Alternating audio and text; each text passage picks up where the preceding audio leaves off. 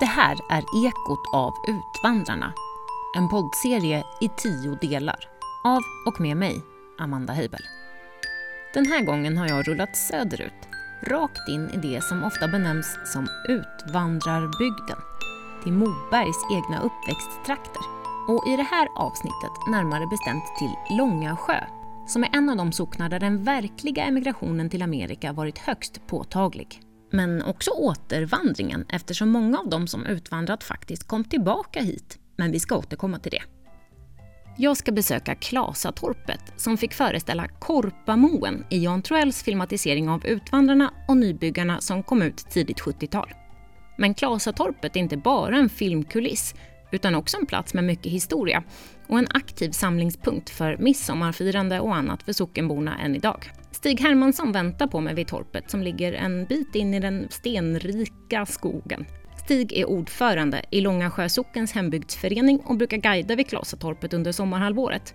Nu har han öppnat upp fast jag kommer en regnig och rätt kall dag på lågsäsong. Nej, där! Trollamåla. Här ska vi svänga. Här ligger det verkligen gamla torp alltså. Herregud, det ser ut som ett ödehus. Ah, men, men, men det är lätt att föreställa sig att det är stenrike som Karl-Oskar säger. Otroligt mycket sten här. Oj, där kommer en man med barnvagn. Hej hej!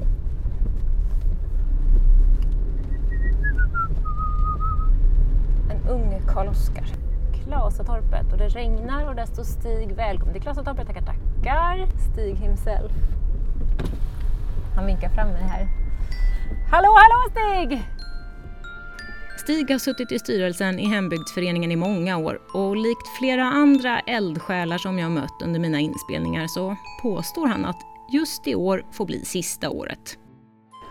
Jag, såg, jag tror det var 74 som jag var med i styrelsen och sen har jag varit där. Det är några år nu då? Ja, det blir Inga planer på att gå i pension? Jo, jag tänker göra det nu i år.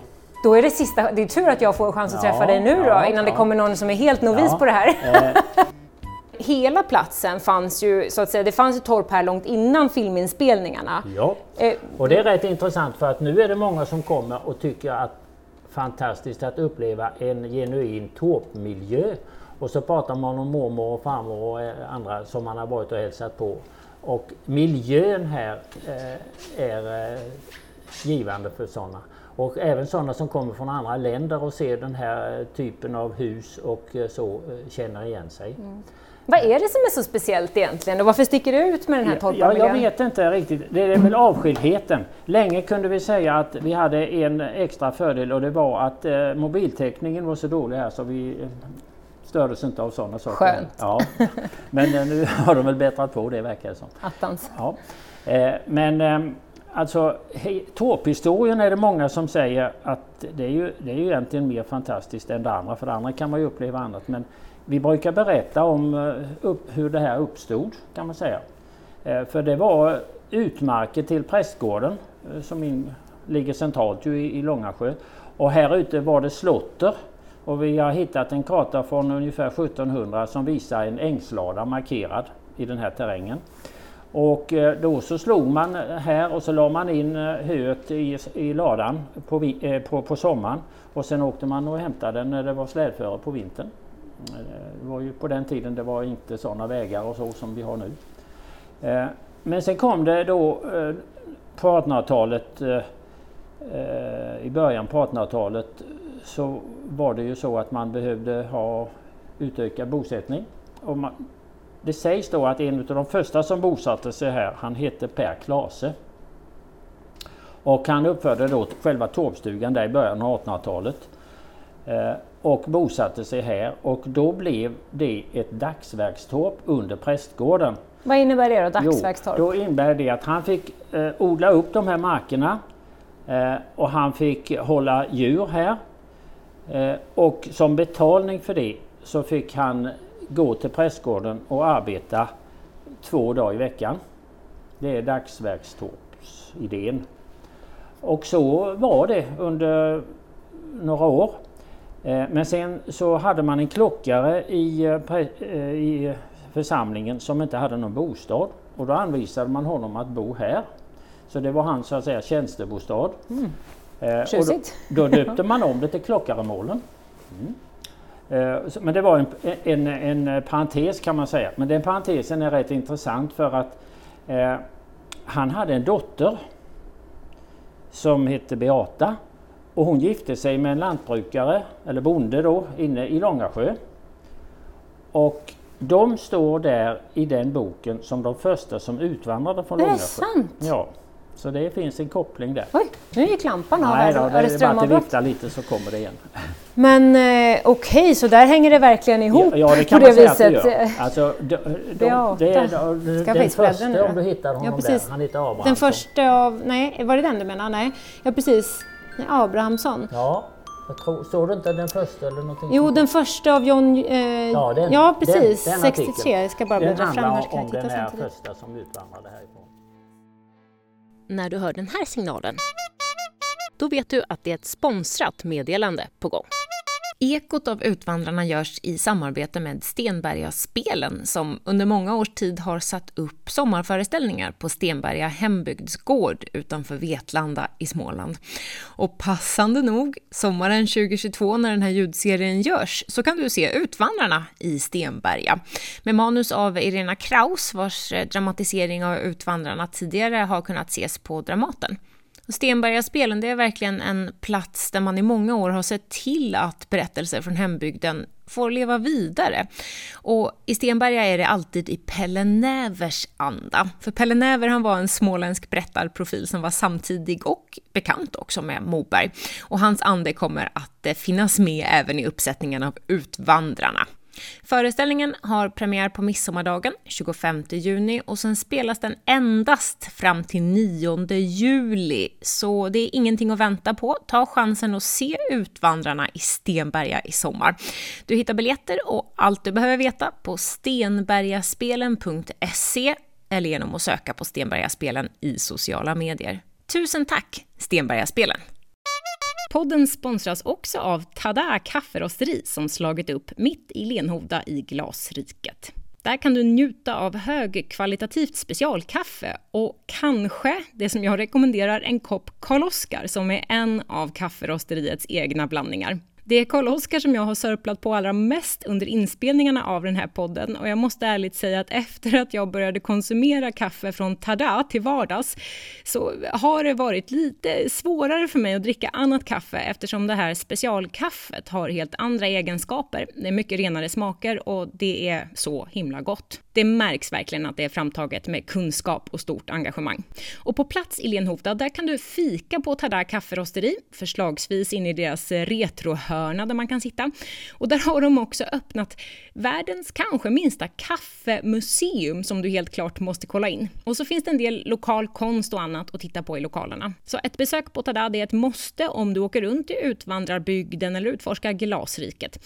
Och om du inte har möjlighet att besöka kafferosteriet på plats så kan du ändå ta del av deras spännande kaffeblandningar via webbshoppen tada.se. För därifrån kan du beställa hem oavsett var du befinner dig någonstans. Alltså, och som poddlyssnare så får du nu en liten förmån. Koden UTVANDRARNA ger dig 10% rabatt på hela ditt köp hos Tada och det gäller både över disk och i webbshoppen. Så det är bara att säga eller skriva in Utvandrarna när du beställer. kan komma där till disken och säga jag lyssnar på podden, Utvandrarna, jag vill ha 10% rabatt. Och då får du alltså både väldigt gott och extra prisvärt fika. Erbjudandet gäller hela sommarsäsongen när den här podden släpps, det vill säga till och med 31 augusti 2022. Tusen tack, Tada kafferosteri!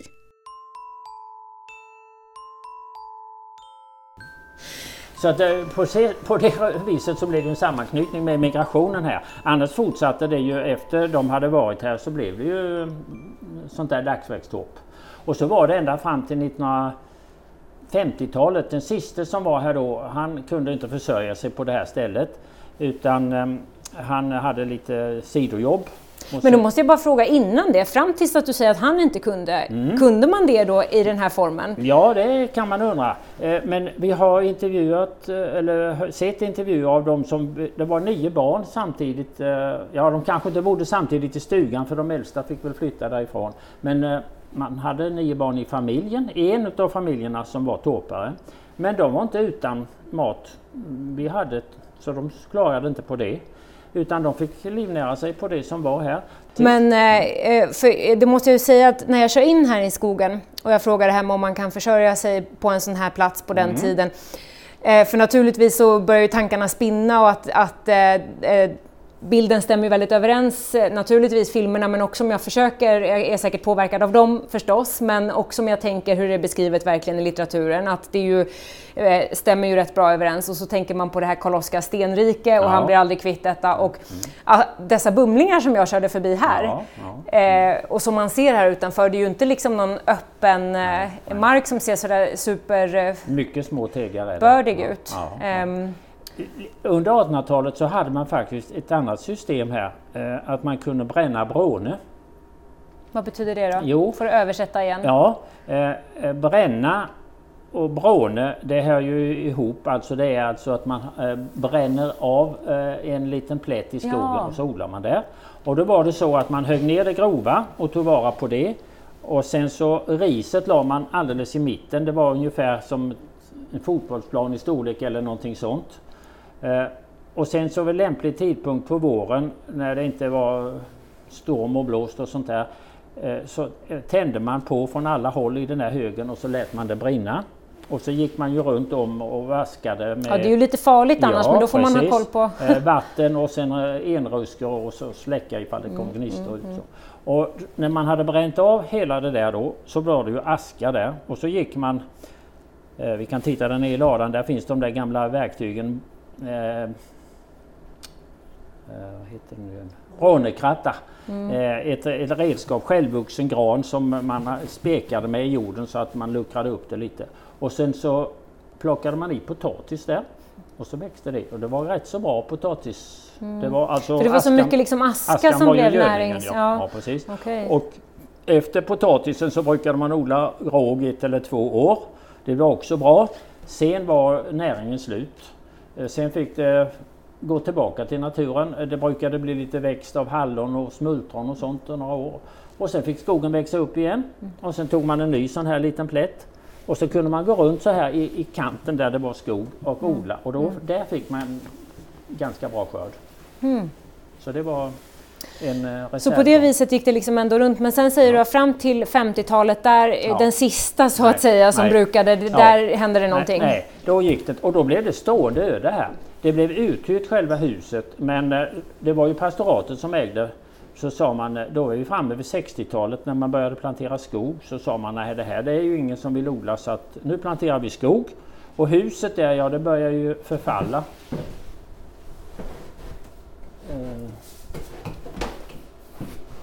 Har du Ja, vi har hur det såg ut då. Intressant. Nu är vi framme på 60-talet alltså? Ja, ja, då såg det ut så. Där ser man den ja. Det är en lite rödmålad stuga som är, ser ja, lite sliten och med, ut. träbrädor som är ja. Eh, klädd där. Och då så sa man att eh, nej, det där är nog ingenting att ha. Men eh, i alla fall så dök det upp en snickare som var intresserad av att kunna göra om det till en sommarstuga hade han tänkt sig. Aha. Så han köpte det. Och det är ofri grund då så att han köpte bara huset. Och i den vevan, då kom vi in på det här med filmatiseringen. Mm. För Vilhelm Moberg hade ju nästan ända sedan han hade skrivit färdigt det här tänkt att det här skulle kunna bli en bra film. Och sen höll han ju på, de hade optioner både i Sverige och i USA på att göra den här filmen men det blev ju ingenting av. Eh, han, hittade, han var inte nöjd med upplägget och han hade ingen regissör som han fick förtroende Nej, och Han ville ju så verkligen ha Bergman har jag förstått, att det var liksom hans högsta önskan. Eh, ja, jag har läst precis en lång biografi om det här. av Jens Liljestrand. Ja, ja, den har ju jag, Mannen i skogen. Ja, ja, ja, och där går han in ganska djupt i det också, i alla de här vändorna med filmrättigheterna. Ja, Och det har Bengt Forslund skrivit också. Ja, precis. Den där har jag inte läst, men Nej. vad kul. Ja. Men, men den, där tar mm. han ju de vändorna också. Och det är anbud eh, med stora ja, det var summor. många turer det. Ja, många stora summor. Men det var ingenting som passade. Men till slut så dök det ju upp det här med eh, eh Jan Troell. Eh, och då fick ju Vilhelm Moberg förtroende för dem och så han sa till och med ni får fria händer göra filmen. Och när man var så långt, då är då det började brännas i de här trakterna för att då skulle man leta upp ett torp som stämde någorlunda överens med det här Kåpanbon. Och då letade man naturligtvis eh, gärna i Algutsboda som var Mobergs hemtrakt, eller Ljuder eftersom det står ju på första sidan att Visst. de kom därifrån.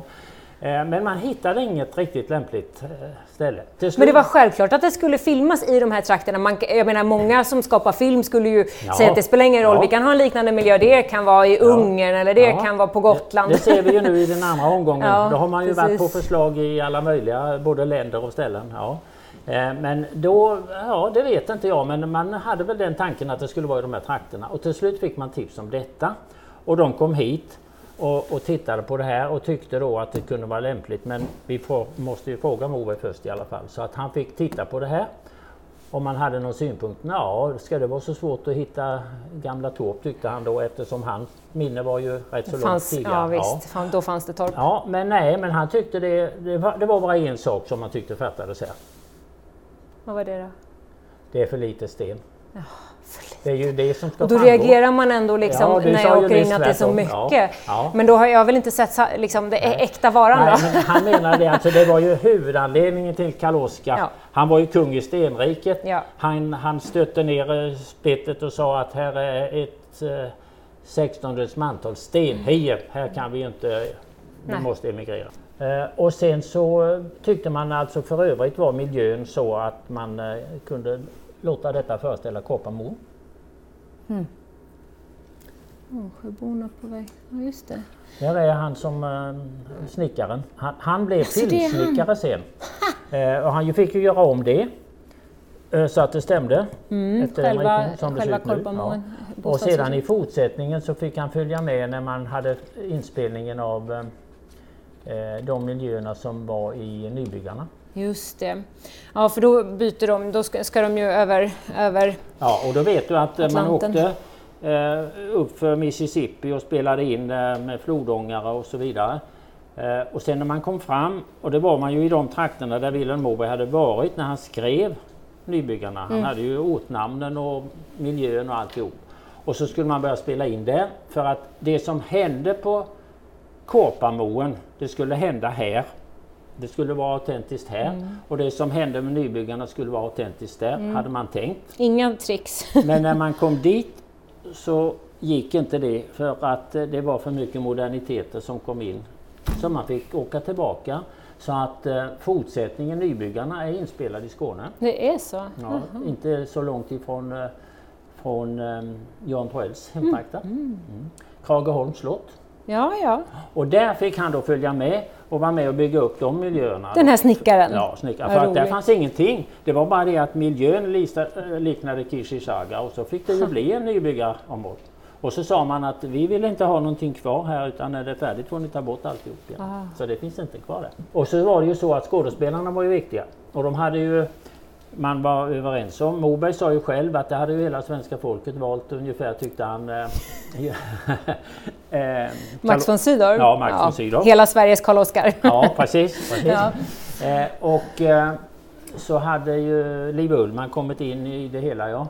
Och eh, sen var det så att eh, Eddie Axberg var faktiskt ett förslag från Vilhelm Moberg för han hade ju sett honom i Här har du ditt liv och tyckte att han gjorde så bra. Och sen är det ju så att mycket utav eh, Robert det är lite utav eh, Vilhelm Moberg och därför så var det en viktig. Ja, jag tycker, jag läste en del analyser nu om att den här mixen någonstans av, av Robert och Karl-Oskar egentligen, att det kanske är på ett vis är två sidor av. Karl-Oskar kanske Ja, representerar ja, lite av hans ja, ideal någonstans ja, i ja. Bond, liksom, urbonden som, som eh, inte accepterar någon auktoritet Nej, och Robert är den här drömmaren som måste liksom bort från... Ja, det är så jo, intressant. Jag också. Intressant. Det, och jag tror det ligger något i det. Ja. Ja. Jo, och då så, när de kom hit då så sa Jan Troell, ja nu har jag ju rollerna besatta. Ja, du har hört den där historien om, eh, om Ulrika. Monica Zetterlund, Ja, kan du inte berätta det? Ja, det var ju så att då föreslog de det för de tyckte att hon skulle vara lämplig. Och då sa Vilhelm Moberg, aldrig i livet, hon är ju popsångerska, hon kan väl inte ha en sån roll. Usch. Nej, nej det tyckte han var tokigt. Nej, men de försökte. Hon är eh, seriös jazzsångerska och försökte med andra argument och så. Nej. Men till slut så eh, spelade de in med Monica Zetterlund och så visade de Vilhelm Moberg lite av det. Och eh, redan då så ändrade han sig. Så att då, ja, och så sa Jan Troell, ja nu har jag rollerna besatta men det fattas en. Och det är Karl-Oskars mor. Har ni någon här eh, i socknen som kan vara det? Hon kan ju ja, hon, hon talar ju småländska då förstås. Och sen så ska hon vara stark. Och så ska hon vara kunnig och veta hur de gjorde med saker och ting för, för det vet inte de här som kommer. Mm, nej. Jaha, och då utbröt eh, det ju... eh, Så sa man, ja Arnold i Lida det är en man som känner folk, fråga honom. Och då åkte Jan Troell ut där på gården. Och det berättas att eh, Jan, vad han heter, Arnold i Lida, han gick och väntade på, på kontrollassistent, eller seminören. Ja det var någon som skulle komma så han trodde det var det. Ja men- du får vänta, jag har inte tid sa Nej. han. Jaha, eh, Jan Troell är ju foglig så han väntade lite och sen så fick han komma till och så gick de in i köket och så sa han då att han sökte en kvinna till den här rollen. Jaha, och ju Arne de Lida han föreslog den ena efter den andra som han kom på som kanske kunde vara bra. Jaha, jaha, sa Jan Troell. Vi kunde inte, han sa ingenting särskilt. Nej, nu får du nog bestämma dig för nu måste jag gå ut och mjölka, sa Arnold. Nu får du väl åka och fråga någon. Ja, då frågade Jan Troell Arnolds fru som heter Aina. Aina, du har hört vad jag är ute efter. Kan du tänka dig den här rollen?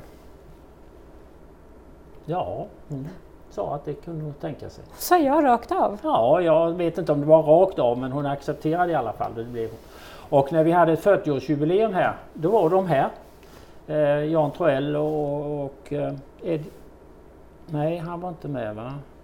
Men eh, eh, i alla fall var Jan Troell här och han berättade att det var tur och det var trevligt att ha Aina med. För tänk att ha en riktig människa med en gång i en film. Ja, men, men när du säger det så är det ju lätt att eh, man tänker de här scenerna som är starkt i början där de man skildrar relationen som är ganska kärv mellan Kristina och, och svärmor. Mm. Ja. Hon, för hon leker ju lite för mycket och det är hela tiden hon ska gunga ja, och hon är så ja, romantisk liksom hela tiden. och man ser den här stränga damen som går där, hon är inte så himla nöjd med det här.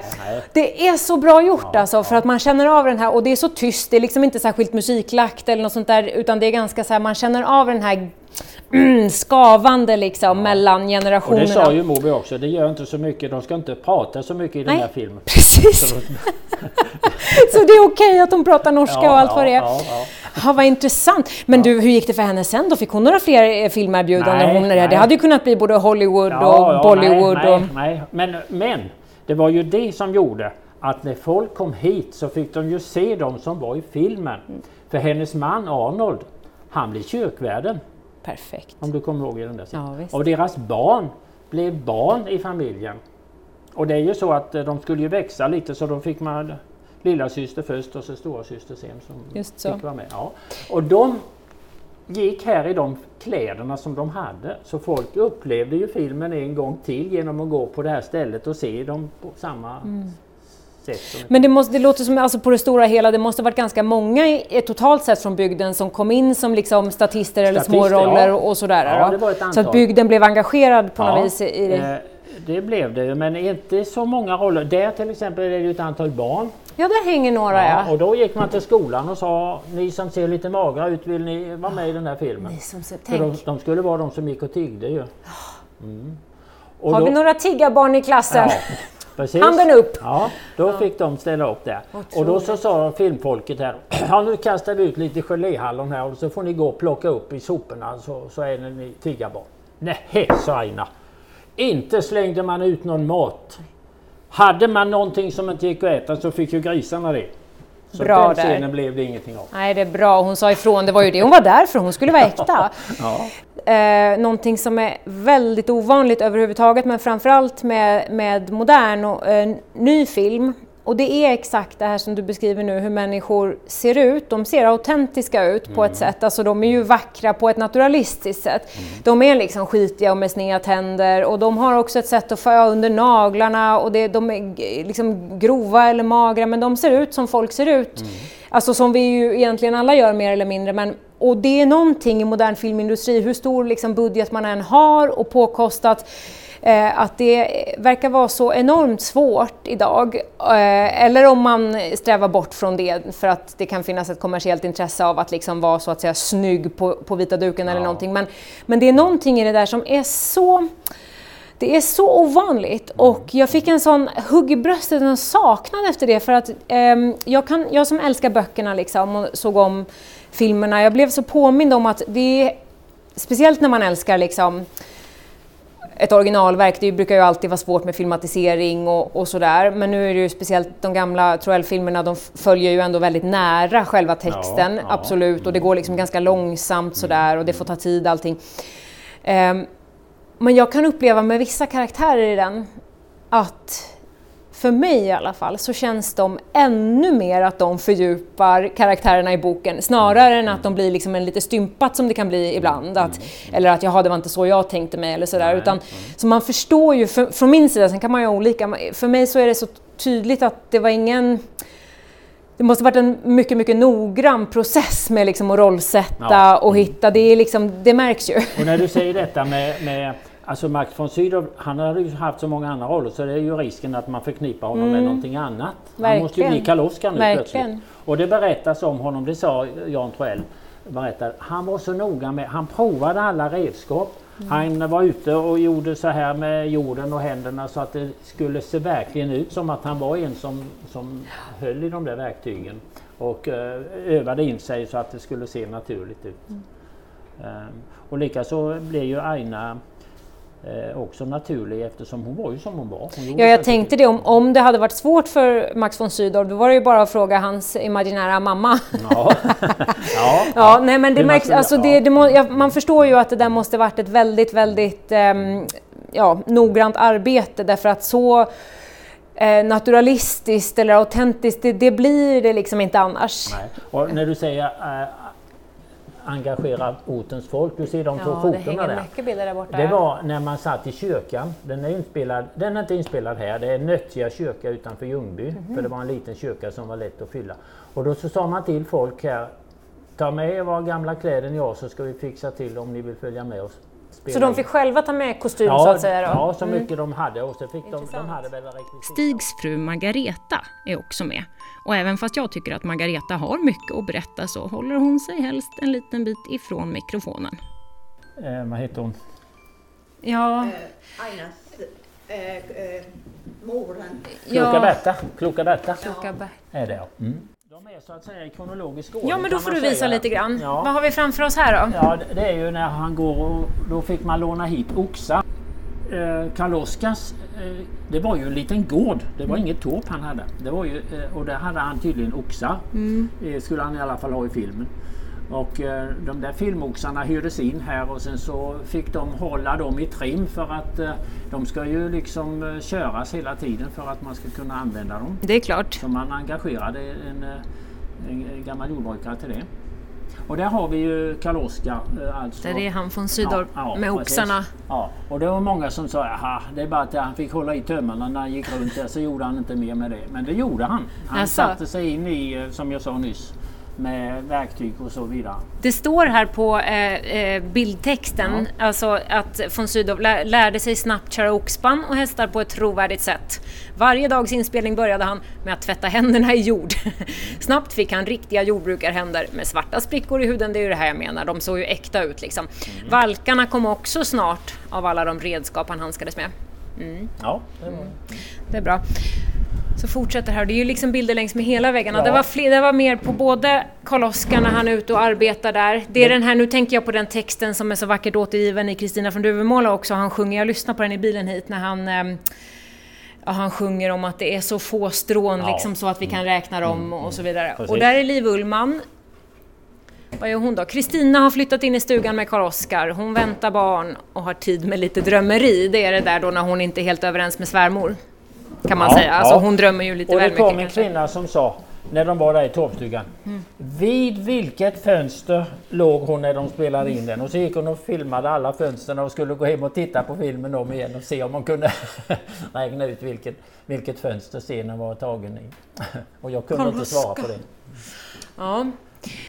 Där är hon med. Där har vi Där har vi svärmor Aina, ja. Aina Alfredsson. En bild här på Liv Ullman och Aina när de står och arbetar. Och bara den här talar ju hon. Aina har fokus ner mot bröddegen eller vad de står och torkar med någon, ja, vad de nu jobbar med. Och sen ser man Kristina, hon blickar ut lite genom fönstret, antingen drömmande eller eventuellt kolla på något barn. Ja, apropå det här med vad, vad hon gjorde och vad Liv Ullman gjorde så skulle ju eh, Kristina då, Liv Ullman, mjölka kon. Och då fick hon sätta sig där och hålla i spenarna så gott hon kunde. Kunde hon det då? Det är ju också en Och sen bredvid bakom så satt Aina och mjölkade på riktigt så det lät som det skulle i ett. Fantastiskt. Ja. Och där har vi fadern också ja, Ja, precis. Karl-Oskars... Och du vet varför Aina Pappa. skulle vara stark? Nej, berätta. Det var ju det för att han bröt ju benet här ute Just och det. han kom inte in så hon fick gå och hämta honom. Just det, det var så hon, han går ju där och stöttar mot ja, henne och precis. han har skadat sig Så jag brukar säga att, säga att Aina hade en bärande roll i filmen. Absolut. Mm, och här kommer Eddie Axberg också som spelar Robert. Ja, och där är ju bilden när det hade brunnit i ladan. Just det. När de kom hem med den. Mm, och Kristina tycker att Karl-Oskar skulle inte ha. Hädat. Nej. Nej.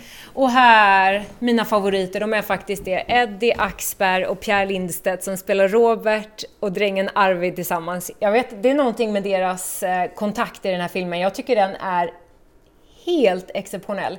Helt, jag, det, jag tycker det slår allt alltså. Den Och- är rörande. Så rörande, visst är den det Mm. Margareta? Ja. Och här, åh, nu kommer en till favorit. Allan Edwall. Ja, här precis. sitter han och har sin eh, frikyrkliga lilla skara. Mm. Jesu Krist, vilkens blod du anammar, bevare dig till evinnerligt liv. Jaha. Med Monica Zetterlund, Ja. som det blev till slut. Ja. Det är också jättebra scen, när de sitter där Ja. och prosten Och den kommer. scenen spelade man in i Algutsboda hembygdsgård, en Mm. liten stuga. Jag pratade just med en eh, ledamot där som sa jag känner ju igen det här eh, schablonerna och så, de har bara tagit bort takkronan och så. Ja, sa jag, men jag vill reda på en sak för det sägs att man spelade in det en kväll, för det skulle det ju vara. Det, det var ju Mm, de sitter på natten Ja. ju, ja. Och så tittade Jan Troell på det och sa att nej men det här får vi göra om, jag är inte riktigt nöjd med det. Så åkte de dit och utrustade sig likadant och alltihop. Men det var ju dagsljus. Och då så fick de måla på fönstren så att det såg ut som att det var... Mm. Ja, så spelade de in och sen tittade han på det. Jaha, men det är bra, det är nöjt. Ja, men nu har vi målat på fönstren, vad ska vi göra? Jag skrapar bort det då. Det kunde de inte så att det var för besvärligt så de slog bort det och så, så satte de dit nytt glas. Oj, Och detta var handblåst glas från Kosta. det får ju bara inte hända. Nej. För jag, jag ringde igår kväll och frågade om den här historien är sann, för det kan ju vara en skröna också. Men nej, det är sant. Det var det som hände. Har liksom känslorna vet svalnat efter det. det? För det där kan ju sitta långt inne. Ja, med... ja, ja. Nej, men jag tror inte hon tog väl vad det hade hänt. Det var hennes far som var ordförande i den hembygdsföreningen så att eh, han fick skriva en faktura på det. Åh, Jesus. Ja, om jag var de från filmteamet då hade jag stuckit snabbt därifrån för Ja. det där är liksom Ja, det skäms det. man över. Ja, Usch. De fattar inte det, tror jag inte. Du tror inte det? Inte de som Nej. målade, nej. Men Nej, de andra kanske kunde väl inte, gjort det. kanske Men inte. här är då den här, Här, kyrkscenen. Och där har du Aina längst till vänster. Där sitter hon ja, Ja, precis. längst Hon ser så barsk ut! Ja, När filminspelningarna väl var klara i Klasatorpet, då var det alltså Ainas familj som huserade här ett tag. då, då så ville den här familjen eh, hyra det här. Och så gjorde de det. Och sen tog de och satte hit eh, husdjur. Och så eh, Arnolds mor var också med i filmen. Det var Kloka Berta. Du vet? eh, Ja, jag vet. Ja.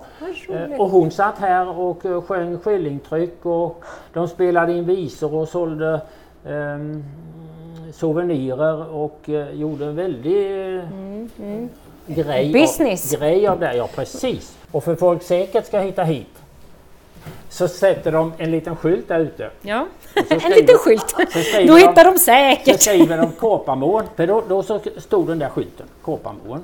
Och så körde de hit. Och så var det någon bekant till Moberg som kom hit och upplevde detta. Och så sa man till Wilhelm Moberg, vet du vad de gör där nere där filmen spelades in? Nej. Vad berättade han det, allt detta som hände här. Att de tog betalt och sålde souvenirer och så vidare och det stod Kåpamån på skylten. Och då fick vi, eh, eller Oj, vad är det här då? Hem- Det är ett gammalt brev. Kan inte du läsa lite högt några rader där då? Ja, det kan vi göra då. Eh, Karl-Oskar och Kristinas hem låg inte i Långasjö. Det låg inte heller i Ljuder som kantor Vikander påstår. Jag har skrivit till honom och ålagt honom att ta tillbaka denna lögn, vilket jag hoppas att han har gjort. Sanningen är att Kåpamåen aldrig har existerat i sinnevärlden. Namnet är min egen uppfinning. Det är uppdäktat som vi säger på småländska. Det är alltså helt och hållet min egendom. och vill de inte veta hut här så tänker han prata med sin advokat och stämma. Ord och inga visor som det ofta verkar ha varit med Vilhelm Moberg. Ja, och du ser Gisses, bokstäverna alltså. hoppa här. Ja. Verkligen. Man, kan- här, han har varit ganska rejält upprörd när han skrev det Ja, här. ja visst, det var han.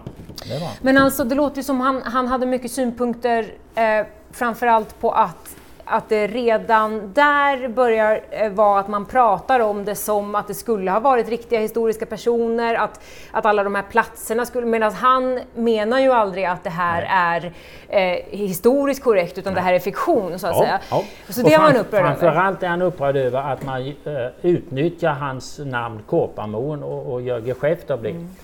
Eh, för det är hans eh, egendom säger han ju. Vad tänker du om det där? då? För samtidigt så kan man ju tycka så här, ja alltså det är ju lätt å ena sidan att leva sig in i att han kan bli upprörd, i alla fall om man känner till lite grann om hur han verkar ha varit som person.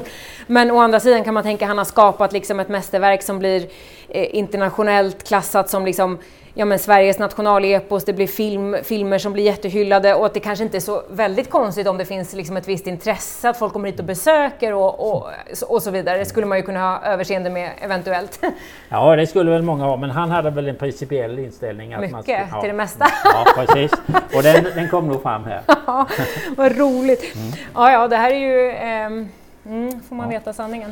Eh, om herrar, fru, herr och fru Alfredsson omedelbart upphör att visa det falska Kåpamån för pengar så skall jag avstå från att åtala dem. Men, det, men slutade de då när Ja, han det fick det här slutade med en hotbrevet? uppgörelse i godo och sen så säger han att det, det är naturligtvis väldigt eh, välvilligt, alltså var mycket välvilligt till att hembygdsföreningen visade hur ett gammalt torp såg ut. Det Men vill man man. fick inte Nej. utnyttja hans namn. Ordning och reda. Kåpamån finns inte.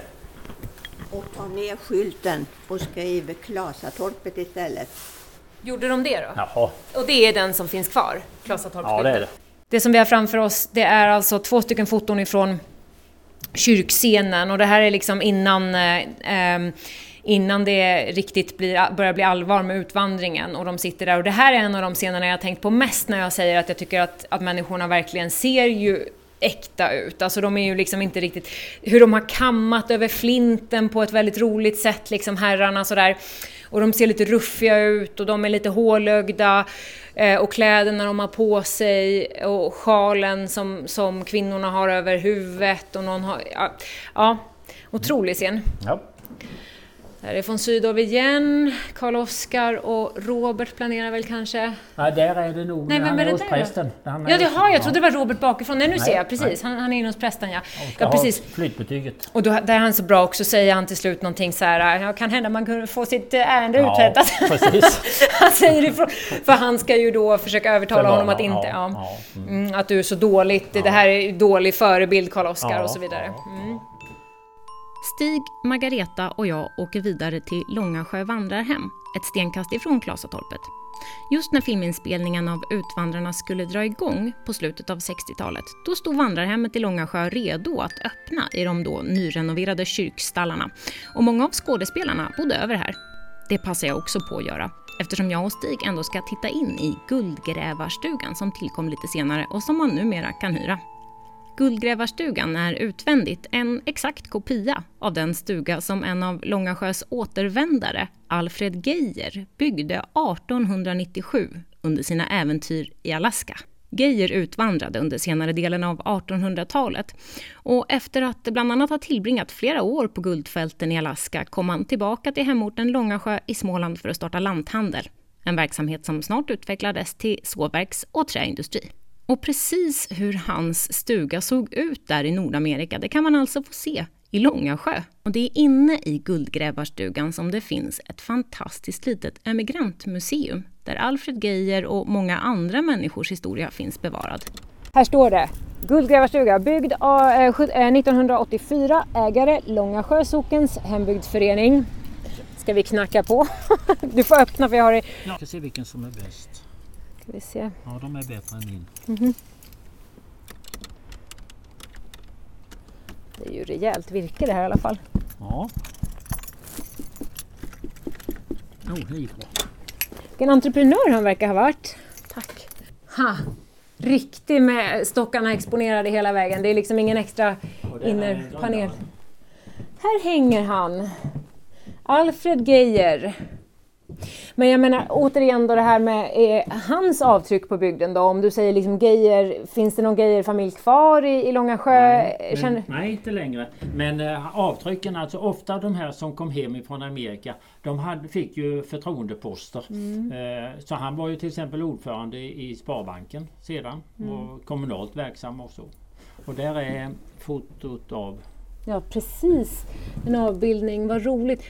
Men eh, vet du, jag, tänker på när jag ser hans blick, han ser så lite pillemarisk ut. Alltså, det är lätt att föreställa sig att han var så, lite ivrig på nya idéer. Ja, ja det var han ju. Det Ja. kanske jag läser in nu bara för att du har berättat om honom, Ja. men, men det, det, mm, bilden säger någonting.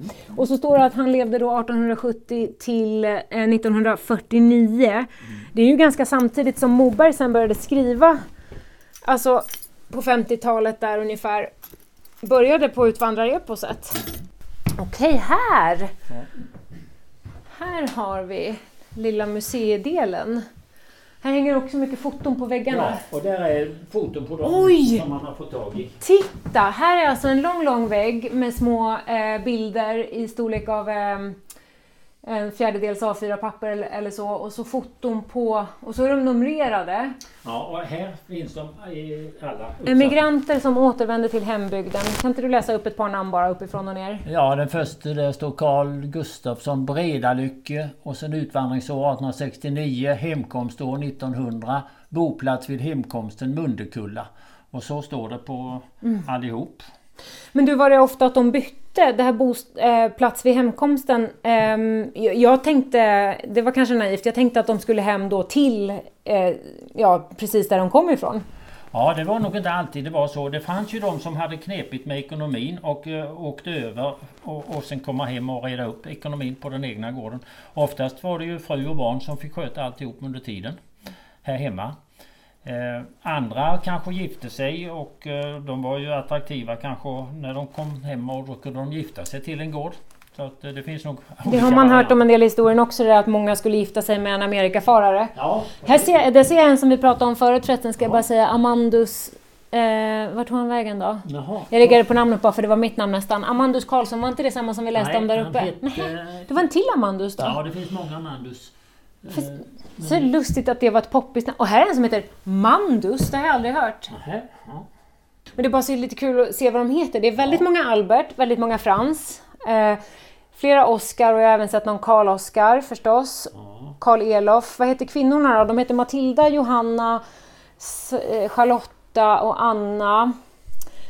Eh, mm. Ja, jag får göra lite statistik här ikväll. så mycket. Men du, av de här som står här på väggen eh, och som du bläddrar med husen nu. ehm, hur många, om man tänker på befolkning i socknen idag, är det så att du på rak arm kan säga jo då, men de släktingarna så att säga i flera led bor kvar, att familjerna finns här? Det gör de till mycket stor del. De gör det? Ja. Ja, men det, det finns ju så väldigt, väldigt mycket här och vartenda namn hade man ju kunnat liksom dyka ner i. Det finns naturligtvis en historia. Ehm, men liksom lite avslutningsvis för den här gången, vad, vad hoppas du på eh, för din del vad gäller att eh, låta de här eh, kunskapen och historierna leva vidare? Eh, jo men just den där historien med målmedvetenheten som de här hade att eh, göra någonting av sin situation som eh, kanske ibland var rätt så knepig. Och eh, vi får ju inte glömma de här som eh, kanske var tvungna att åka för de eh, inte passade in i det här samhället. Eh, Det går ju historier om att man till och med samlade ihop eh, pengar för att man skulle eh, se till att någon reste iväg. Och de kanske också skapade sig ett nytt liv i Amerika men de har vi ju inte här. Vad kunde det vara för några då som man inte tålde? Ja, det var bråkstakar till exempel. Eh, Sådana som ställde till det ofta och sådär. Det finns exempel på att man har samlat ihop till en biljett. Och Liksom för en slags utvisning? Ja, eh, kollektiv, ja, ja mm. det kan man, kan man säga. Mm. Ja, Men de skapade sig en ny tillvaro. Det kanske gick bra på det sättet också. Du säger att du skulle vilja liksom hålla vid liv på något sätt målmedvetenheten. Ja, eh, alltså att man kan eh, alltså göra någonting av sin situation. Eh, för många utav de här det var ju hela familjer. Alltså, vi pratade ju om att man var många barn i familjerna på gårdarna. Och den här lilla gården kan ju inte försörja mer än någon som stannar här. Vad ska de andra göra? Och eh, då var det ju så att någon kom över till Amerika och eh, skrev hem och berättade hur det var och någon mer blev intresserad och sen kunde man antingen skicka hem pengar eller biljett och sen så har vi sett exempel på att eh, när man tittar i den här boken så syskon efter syskon kommer över. Och då får de en start med detsamma, hjälp att komma igång. Mm.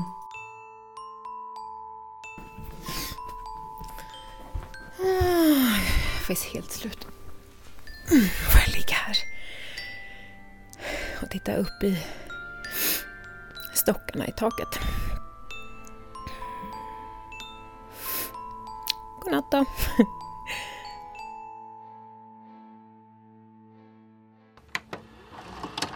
Du har lyssnat på en produktion från Moxie Media.